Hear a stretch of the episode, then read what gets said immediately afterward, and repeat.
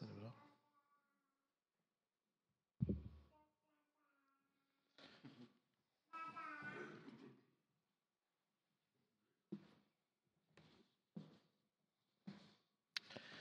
Ja, jeg kommer fra Grimerud, hvor vi har hatt en bønnekonferanse som starta på torsdag, med 550 mennesker.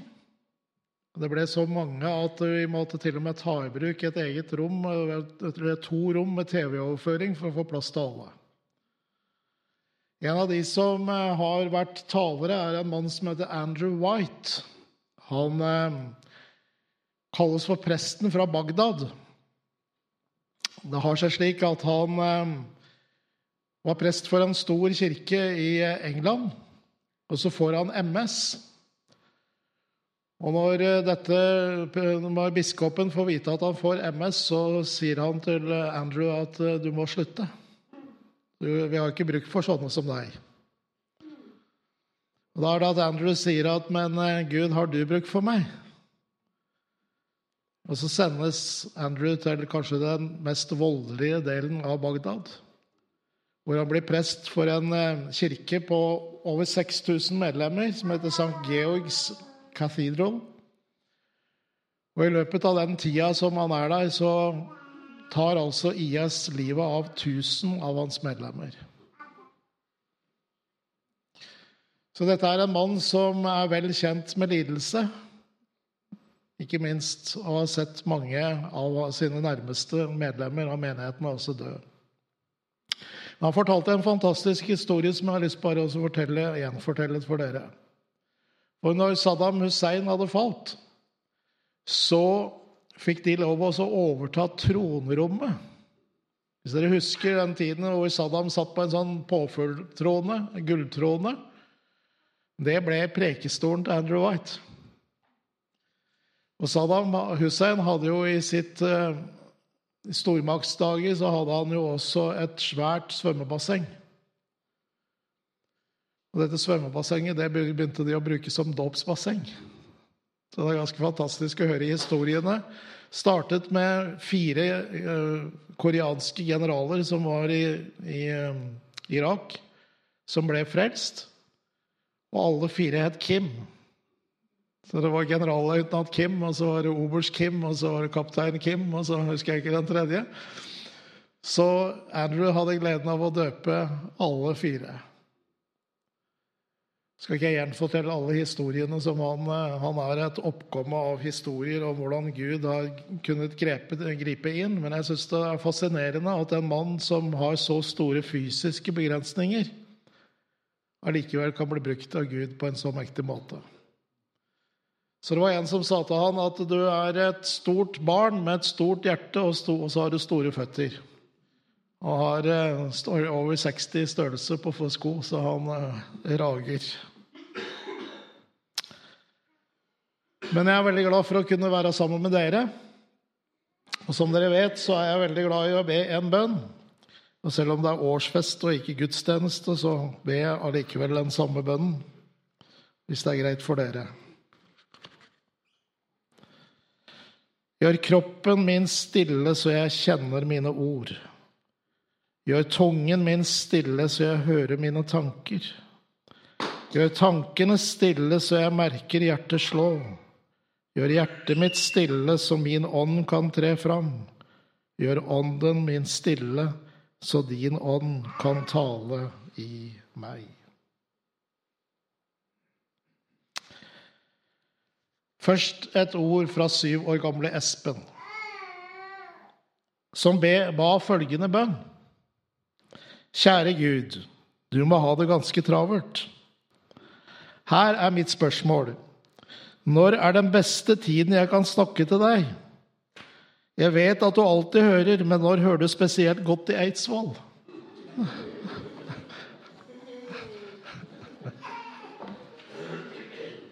Det sikreste er i hvert fall at Gud er her for å høre på, våre bønner.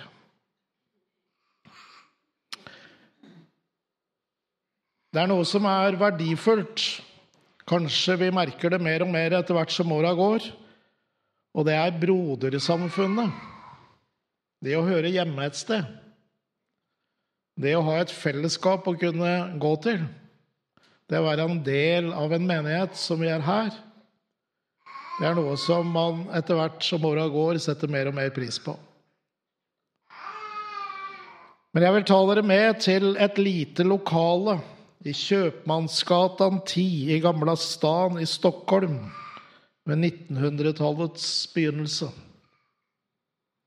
Til den såkalte Flodbergkretsen. De som deltok i disse samlingene, kom fra forskjellige kristne sammenhenger. De bar alle på den samme dype lengselen. En Guds lengsel. Og hadde ikke noe annet ønske enn å leve i Kristi etterfølgelse, i stillhet og i bønn. De representerte ulike samfunnslag. Det var enkle arbeidere og intellektuelle søkere. Det var prestefruer, og det var pinsevenner. I en tid hvor grensene mellom ulike konfesjoner var skarpe, og det sto vakter ved grindene, og revirene ble holdt under oppsikt, så var dette et grensesprengende fellesskap. Dette var mennesker som lengtet etter åndens djup, og som var lei av det overfladiske, men som ikke ønsket å bryte opp fra de forsamlingene som de tilhørte. Regelmessig så gikk de til gudstjeneste i sin egen kirke, selv om den kost de ble bydd på, var heller mager.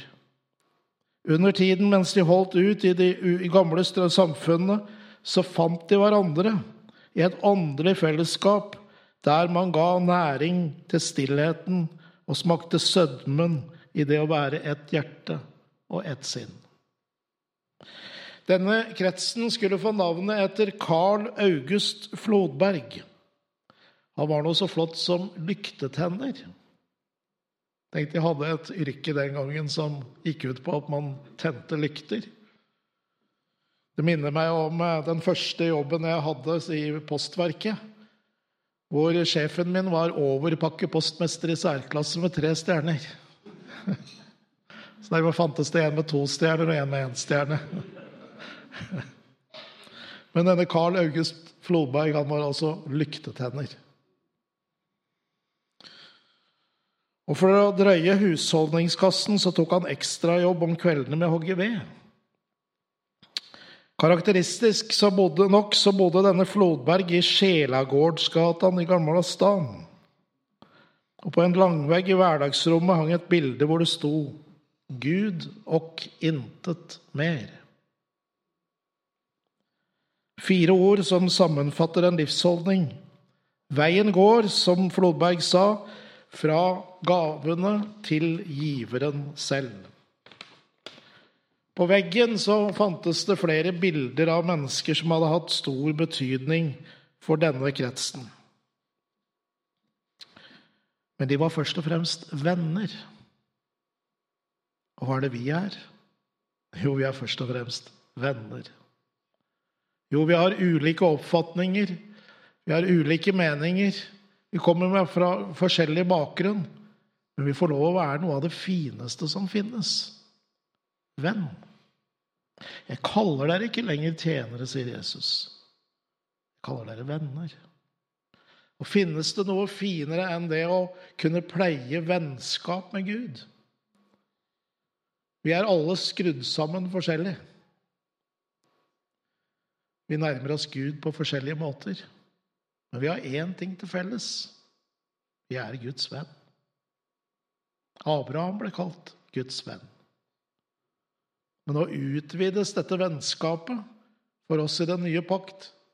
Vi er alle Guds venner. Og det å være Guds venn, som denne kretsen var, først og fremst, det betyr at man kan komme fram til Gud med alle ting. Å snakke et sant og ærlig språk til Gud. For Gud tåler det språket. Og Noe av det fineste jeg synes med å be f.eks. Salmenes bok igjennom, som vi har praktisert over en periode, det er at denne boka gir stemmer til alle slags stemmer hos oss sjøl. Det er de ekstatiske høydene, og de djupeste dalene.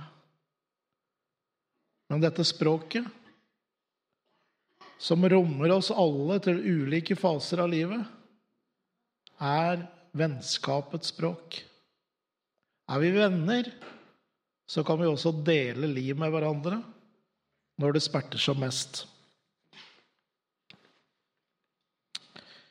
Jeg skal lese for dere bare et lite portrett av en av disse som tilhørte denne Flodberg-kretsen. Flodberg selv. Man fikk fra første stund inntrykk av en høy, ren enfoldighet hos ham. Han var på en sjelden måte samlet, konsentrert om det eneste nødvendige, hvilket gjorde at verden gikk ham resolutt forbi. Men denne enfoldigheten hadde ingenting å gjøre med det man vanligvis kaller enfoldighet. Selv om den ytre betrakteren kunne fristes til å sammenligne den med en ganske manglende ytre begavelse og skolering, som uten tvil fantes hos ham. Men det var noe forunderlig med ham. Han hadde tilsynelatende små forutsetninger til på vanlig måte å tilegne seg kunnskap, og hans tenkning hadde sine hull. Men likevel tilegnet han seg kunnskap, og hans tanke var klar. I den utdannelsen som kalles for hjerte- og åndsutdannelsen, var han en uvanlig velutdannet mann. Saken er at han i disse ting som i andre fikk gå en annen og høyere vei enn det som er vanlig. Slik som han helt levde det åndelige livet for sin sjels behov, fikk han også stole på den indre åndelige veien når det gjaldt å ta imot og gi videre det forstandsmessige. Så fikk han den lærdom som kommer fra Gud, og som er åndens forklaring av ordet. Han ble i sann mening vis. Mange av dem som har møtt ham, husker hans ord som han gjorde så inntrykk på dem. Flodberg kunne si Forutsetningen for å kunne forstå de hellige tingene er en djup ydmykhet og en djup indre enfoldighet. Og så hilste han folk med én ting. Du, sa han, du har en reservert plass ved Guds hjerte. Jeg veit ikke hva du pleier å hilse mennesker med, men tenk å kunne komme med en slik hilsen. Du har en reservert plass ved Guds hjerte enfoldig, lite skolert. En raring, ville vi kanskje ikke ha sagt. En original. Men han eide noe, altså, som var langt mer dyrebart enn menneskelig kunnskap som du kan tilegne deg gjennom bøker. Han pleide dette inderlige vennskapet med Gud, som gjorde at han kjente Gud mer enn den lærdeste teolog. For det er sånn at vi kan lese oss til veldig mange ting. Men det er ikke sikkert at vi blir litt så vise og kloke likevel. Fordi det handler om bare det som skjer her oppe, og ikke det som skjer her nede i hjertet vårt. Og som jeg har sagt før i denne forsamlingen, den, det mest utfordrende ordet som jeg har blitt møtt med de seinere årene, er et ord Jesus sier når han siterer en av profetene. Dette folket ærer meg med leppene, men deres hjerte er langt borte fra meg. Så det viktigste vi kan tilegne oss, er kjennskapet til Gud. Og det foregår gjennom læring. Det foregår gjennom at vi en, pleier en daglig kontakt med Herren selv, som gjør at vi lærer ham å kjenne. Jo, én ting er at vi kan møte mennesker som har møtt ham. Noe helt annet er at vi gjør oss personlige erfaringer av å være sammen med Herren. Da skjer det noe med hjertet vårt. Og Det er hjerte-til-hjerte-forholdet vi må møte hverandre med. Ikke nødvendigvis den rette bekjennelsen. Vi kan bekjenne rett. Vi kan være langt borte fra Gud allikevel. Vi kan si de riktige tingene. Men så kan du møte et menneske som ikke nødvendigvis er like skarp, men som har altså en dybde fordi de kjenner Gud. Så vi må lære å sette pris på oss på hverandre. Flodberg hadde en egenskap som mange satte veldig stor på. Og det er at han trådte tilbake for å slippe til andre. Og Det er en egenskap som jeg syns jeg har mye å lære av. Det er lett å tenke seg at når man, i hvert fall som ung pastor, så var det lett å tenke seg at man hadde svaret på det meste. Alf har sikkert ikke hatt det sånn. Rolf har sikkert ikke hatt det sånn. Men man blir lett sånne verdensmestere som på en måte skal vite noe om allting. Og så er det en tendens til at man tror at man kan fylle alle slags roller. Men etter hvert som årene går, så ser man at man må slippe til andre. Og det er en stor glede ved det å slippe til andre. Fordi de vokser. Og folk holdes nede år etter år og får aldri lov å slippe til, så skjer det noe som gjør at vi forkrøples. Men Derfor er det så interessant å se når du slipper til mennesker. Så vokser de, så modnes de, så våger de seg frampå med ting. For det bor en noe i oss alle som er så utrolig verdifullt, og som må lokkes fram noen ganger. Men vi trenger å lokke det fram. For det vil berike vårt menighetsliv.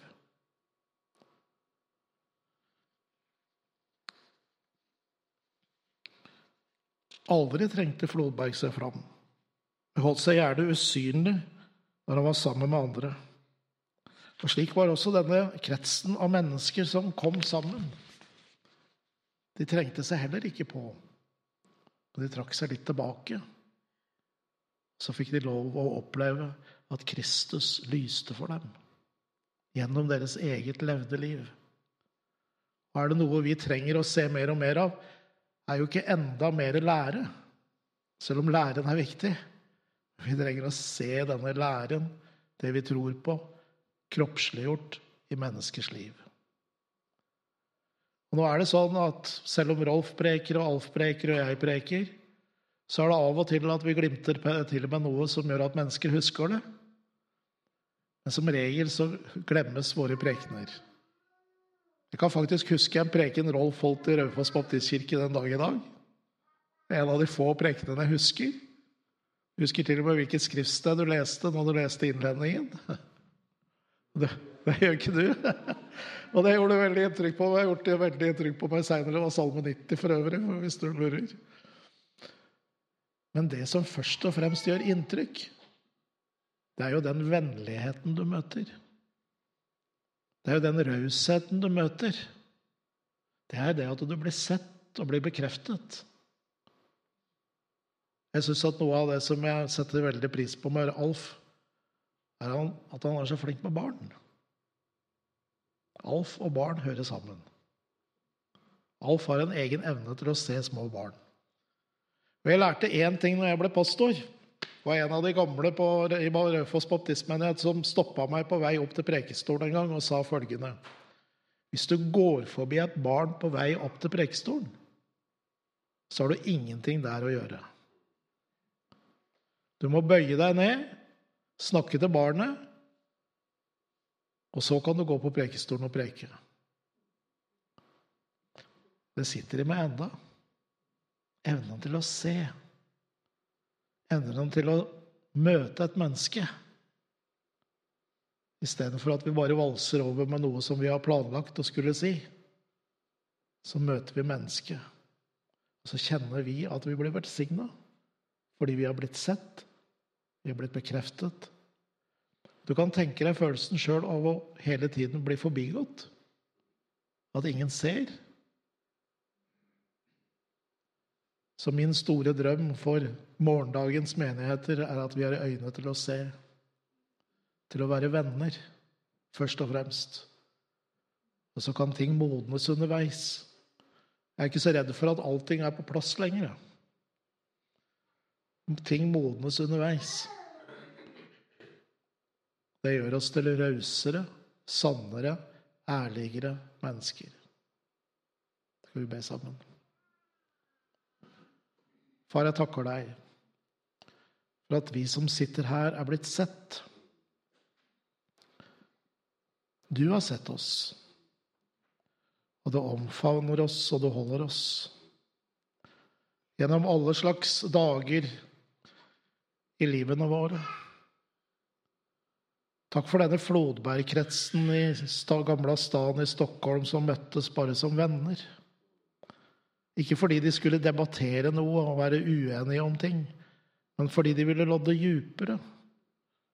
De trenge djupere ned i sannheten som de fant beskrevet i ditt ord. Så fødtes det sanger. Så fødtes liv iblant dem. Akkurat slik som det har blitt gjort i denne menigheten i generasjoner. Vi takker deg for vennskapet med deg, Herre. Du er vår beste venn. Samtidig så takker vi for vennskapet med oss alle, vi som sitter her. Vi kommer med forskjellige bakgrunner. Vi har forskjellige forutsetninger. Vi har én ting til felles. Det er at vi er venner. Og vi er først og fremst din venn. Du som ønsker å betro deg til oss og holde oss. Og så har vi én ting til felles. Vi er alle elsket av deg. Helt og fullt. Der hvor vi befinner oss i livet akkurat nå, ikke det vi en gang skal bli, men det vi er her og nå. Amen. Jeg vil bare minne dere på en setning som jeg syns er den vakreste setningen jeg vet, ved siden av Bibelen. Den skulle egentlig ha stått i Bibelen, men det er en god venn av meg som har sagt følgende Du trenger ikke være et Guds barn for å ha vært elska av Gud. Du trenger bare å være menneske. Tygg litt på den. Du trenger, trenger ikke være et Guds barn for å ha vært elska av Gud. Du trenger bare å være menneske. Ha en god fest blant venner.